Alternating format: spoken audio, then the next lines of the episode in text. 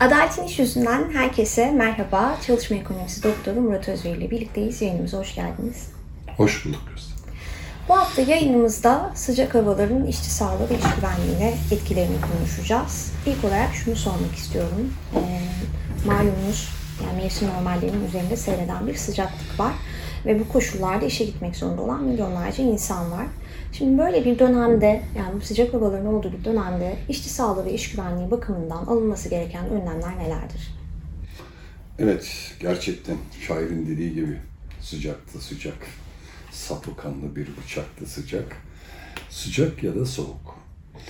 Çalışma ortamı, çalışanların fiziksel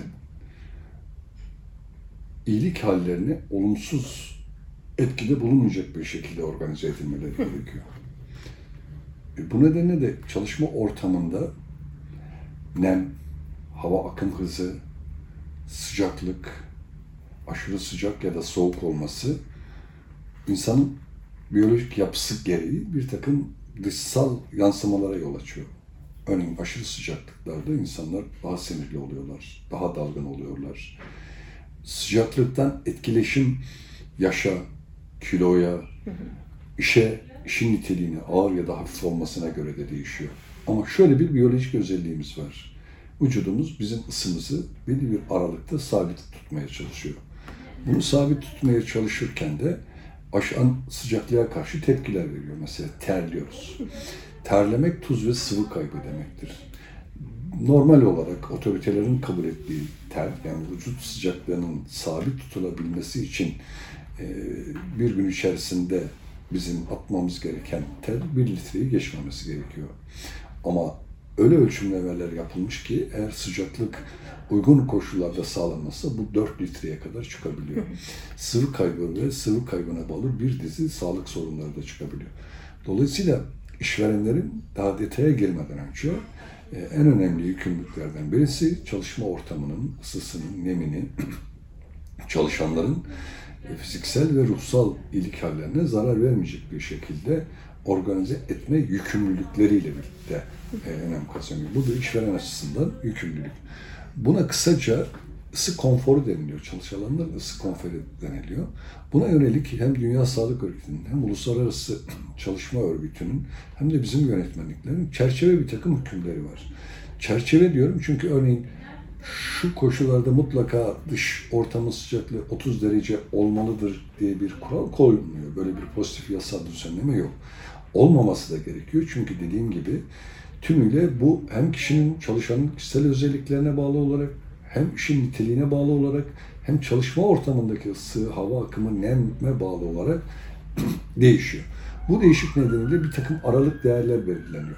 Örneğin deniliyor ki nem oranı yüzde 80 ise işte dışın, dışarının sıcaklığı maksimum işte 22 olmalı, 25 olmalı ama hiçbir değer 30 dereceyi geçmiyor dış ortamda. 30 dereceyi aşan bir sıcaklık çalışanlar açısından rahatsız edici dışsal bir faktördür. Bunu giderecek bir iş ortamı yaratması gerekiyor. Bu iş ortamı fabrikanın havalandırma sistemi, günümüz teknolojisindeki soğutma sistemleri vesaire bunlarla sağlanıyor. Ama dediğim gibi aralıklar değişmesine rağmen, yapılan işe göre değişmesine rağmen genel olarak ortak bir rakam vermek gerekirse 30 derecenin üzerindeki e, dış ortam çalışanlar açısından bitkinlik, bıkkınlık, dikkat dağılımı, aşırı su kaybı, aşırı su kaybına bağlı bir takım şeyler, gerginlik gibi e, çok ciddi hem fiziksel hem e, ruhsal bir takım sorunlara yol açıyor. Bunları giderebilecek şekilde yapılan işe çalışana örneğin kilolu bir çalışanla zayıf bir çalışanın sıcaklıktan etkilenmesi ya da sıvı kaybı bile birbirinden farklı olabiliyor. Ya da özel durumlar, kronik hastalıkları olanlar gibi. E, tüm bunları düşünerek ve tüm bunlara yanıt verebilecek bir iş ortamının yaratılması lazım. Evet. Ee, peki böylesi durumlarda hamile ve kronik rahatsızlığı olan işçiler için nasıl önlemler alınmalı? Şimdi hamile e, yeni doğum yapmış ve emziren kadın. Bunu bir kere ayıralım. Niye ayıralım? Çünkü çok özel bir durum. Öncelikle hamilelik başlar başlamaz işçinin bir yükümlülüğü var. Hamile olduğunu işverene bildirmek zorunda. Bu bildirimi yaptıktan sonra periyodik muayeneler için hekim kontrolü altında tutulması gerekiyor ve bunun için gerekli izinler herhangi bir ücret kaybına neden olmaksızın, ücret kesintisi yapılmaksızın verilmek zorunda.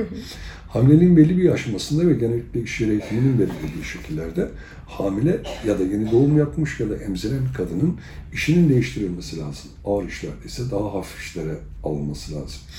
Ee, Daha somut konuşacak olacak olursak, üretim süreci içerisinde olağan koşullarda kaçınılmaz olarak var ortaya çıkan bir takım etkilere gebe e, ya da emziren ya da yeni doğum yapmış kadının maruz kalmaması lazım. Örneğin e, ani titreşimlere neden olan işler. Orada çalıştırılmaması lazım gibi kadın çalıştırılmaması lazım derken yasak olduğunu belirtiyorum. Yani aşırı titreşim sağlayan e, işlerde gebe kadınların çalıştırılması yasak çünkü olası bir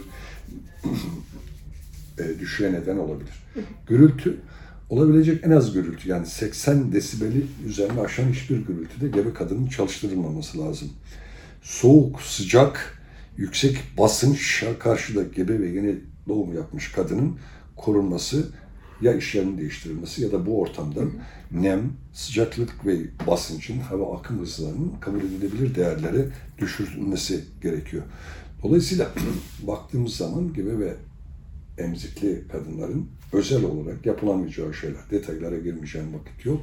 Bildirimden itibaren kadının hamile olduğunu bildirdiği andan itibaren yeri hekiminin iş yerindeki işçi sağlığı iş güvenliği organizasyonun devreye girerek kadının hafif işlerde çalıştırılmasından tut da işte gürültü, şok ve titreşime maruz bırakmama gibi bir dizi önlemi almakla işveren yükümlü. Kronik hastalıklar zaten kronik hastanın hangi işi yapacağı genel kural olarak işle çalışan arasındaki ilişkinin sağlanmış olması gerekir.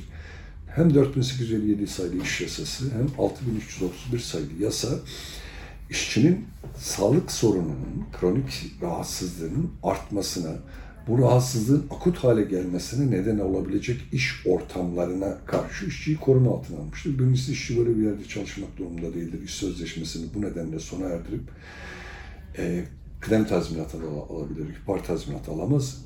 Bu iş sözleşmesinin sona erdirmesi. E, çalışırken bunu koruyacaksa zaten doktor raporunu getirdiği andan itibaren işe uygun rahatsızlığını arttırmayacak. Bu rahatsızlığın e, akut hale gelmesini ve onun günlük yaşamını etkilemesini engelleyecek bir iş ortamında istihdam edilmesini sağlamak zorunda işveren. Peki böyle dönemlerde e, çalışma sürelerinin kısaltılması ya da senin saatlere kaydırılması gibi bir durum söz konusu olabilir mi? Bunun Türkiye'de ve dünyada örnekleri var mı? Çalışma süresinin kaydırılması olabilir ancak burada da bir takım sınırlamalarımız var. O sınırlamalar içerisinde kalması gerekiyor. Çünkü sanayi dediğimiz, sanayi üretimi dediğimiz şey doğaya ve insanın biyolojik ritmine aykırı bir iş organizasyonu. İnsan doğal koşullarda gece uyumaya programlanmıştır biyolojik saati. Uyuma dediğimiz olay sadece bir dinlenme değildir. Vücudun bir tür kendisini yeniden formatlamasıdır. Uyku sırasında bir takım hormonlarımız devreye girer. Kasların arasında birikmiş olan laktik asitler parçalanır. E, beyin ve diğer tüm organlar e, bir anlamda atıklarını temizlerler. E, ve yeniden yeni güne sağlıklı bir şekilde başlamak için vücudumuz kendini aktivite ediyor. Dolayısıyla uyku saatinde çalışmanın kendisi insanın biyolojik varlığına, doğanın ritmine aykırı bir durumdur. Bu aykırılık nerede görülür? Örneğin işte saat genellikle 22 ile 04 arasında salgılanan, vücudun salgıladığı e, teknik adlarını diyemiyorum. Ben de tonun galiba bir e, hormon. Bu hormon hayati önemlidir. Kadınların ay halinin düzenlenmesi, büyümenin e, düzeni olarak sürdürülebilmesi, bağışıklığın güçlenmesi gibi bir dizi faktörü vardır. O nedenle de gece çalışma 7,5 saatte sınırlandırılmıştır. Şimdi serin olması açısından çalışma sürelerini kaydırmak demek işte insanın o biyolojik ritmine bozmayacak şekillerde yapılması lazım. O nedenle örneğin 0-4'ten sonra yani o hormon sağlandıktan sonra bir iş günü belirlenebilir. Diyelim ki 11'e kadar 4 ile 11 ya da 11.30 arası 12 arasında e, bu çalışma süresi bu şekilde sınırlandırılabilir. Burada sorun yok. Tek sorun 7,5 saatlik aşmaması lazım. Yani 20 ile 06 dönemi bizim hukukumuzda gece dönemidir. gece dönemi 7,5 saati aşmaması gerekir. Özellikle de vardiyalı çalışmalarda. Bunun dışında başka bir e, e, engel, yasal anlamda bir engel yok. Ha, dünyada nasıl oluyor derseniz, dünyaya bakarsanız işte bunun dengesini sağlamaya dönük bir takım çalışmalar vardır.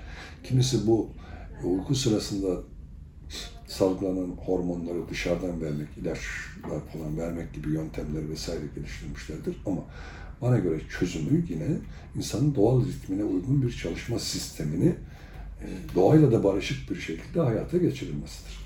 Ee, peki yine böyle dönemlerde mola sürelerinin uzatılması ya da sıklaştırılması söz konusu olabilir mi? Ee, bunun dışında mesela pek çok iş yerinde işçilerin suya erişmesi e, ya da kimi önlemlere erişmesi, ventilatör gibi işte soğuk hava e, akımı gibi şeylere erişmesinde ciddi bir sorun yaşanıyor. Mesela pratik olarak e, buralara dair neler yapılabilir? Şimdi bakın her olabilecek olaya ilişkin yasal bir mevzuat aramak beyhude bir çabadır. Bu işin doğasına da aykırı. Ama kuralımız ne? Öyle bir iş ortamı yaratacağız ki bu iş ortamı insanın fiziksel, biyolojik gereksinimlerine yanıt verecek. Örneğin gebe kadın çalıştırıyorsanız e, tıbben belirlenmiştir. Sık tuvalete gitmeye ihtiyacı duyacaktır. O zaman işi öyle bir organize edeceksiniz ki gebe kadın sık sık tuvalete gidebilecek şekilde tuvaletler yapılmalı, ayarlanmalı ya da ona uygun bir yerde çalıştırılması gerekir. Şimdi aşırı sıcaklık dediğimiz olayda diyelim ki olağanüstü bir durum. Bu aşırı sıcaklığa karşı şöyle şöyle önlem al vesaire değil. Bu aşırı sıcaklıkta bilinen şeyimiz ne? Vücut sıcaklığı 35 derece, 36 derece gibi bir yerde sabitlenmesi zorunda insanın biyolojik varlığı için.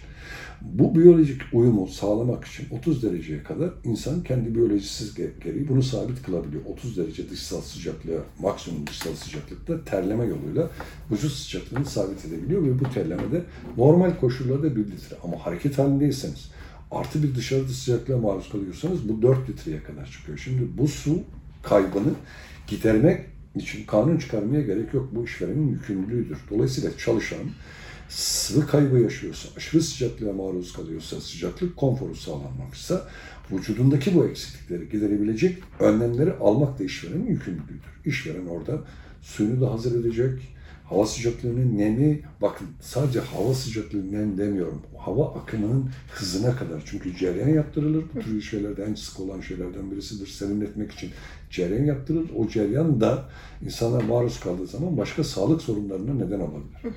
Tüm bunları ortadan kaldıracak şekilde işveren önlem almak zorundadır. Önlemin başlık atmak gerekirse sıcaklık konforunu, ısı konforunu ya da daha teknik ve ecnebi dilde söyleyecek termal konforu sağlamakla yükümlüdür işveren. Peki bu yükümlülükleri yerine getirmediği takdirde işçilerin işten kaçınma hakkı var mıdır?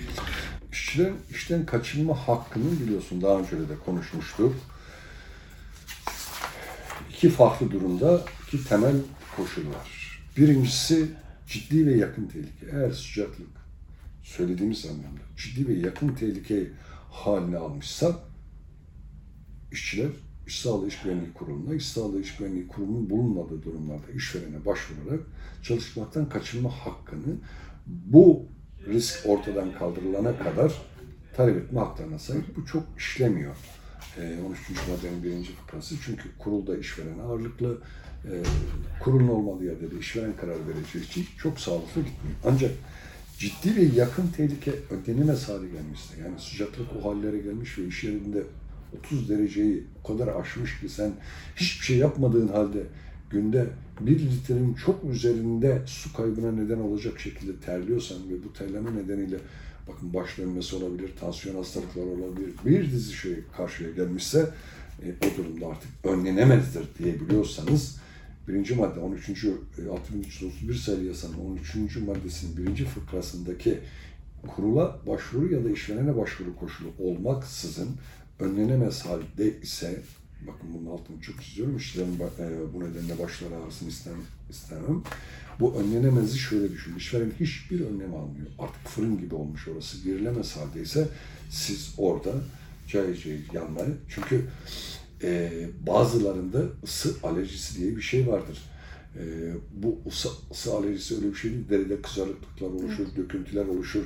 Bunun yarattığı bir takım ısı çarpması olur. Hiç güneş görmemiş insan iş yeri ortamında güneş çarpmış gibi bir takım hastalıklara maruz kalabilir. Bu vücudun kendi ısısını sabitleyemeyeceği bir ortama maruz kalmasından kaynaklanmaktadır. Dolayısıyla tüm bunları değerlendirip önlenemezlik unsuru da gerçekleşmişse evet işçiler çalışmama hakkını kullanabilirler. Peki teşekkür ediyoruz. Var mı eklemek istediğiniz bir şey hocam? Ben teşekkür ediyorum. Özellikle bu e, klimaların, e, klimanın yarattığı, havaya yarattığı bakterilerin de bir başka sorun olduğunu da düşünerek en sağlıklı, en doğal yöntemlerde özellikle kendi iş yeri hava akımı üzerinden bir soğutma ama bunun bir ceryana dönüştürüp de insanları hasta etmemesi gerekiyor. Kısaca e, sıcaklık ya da soğukluk, gürültü ya da üretim sürecinde çıkan diğer gazlar, tozlar vesaire tüm bunlara karşı işçiyi korumakla yükümlü olan özne işverendir. İşveren bu yükümlülüğü tekniğin gerektirdiği, aklın bilmin gerektirdiği her türlü aracı kullanarak almak zorundadır. Almaması nedeniyle işi, işçinin başı dahi arasa işveren bundan sorumludur. Bu başı ağrıması nedeniyle işçide herhangi bir kalıcı zarar çıkmamış olsa bile bana göre o bir gün boyunca baş ağrıyarak gezmenin verdiği manevi üzüntü için dahi işvereni tazmin zorunluluğuna doğru götürebilir.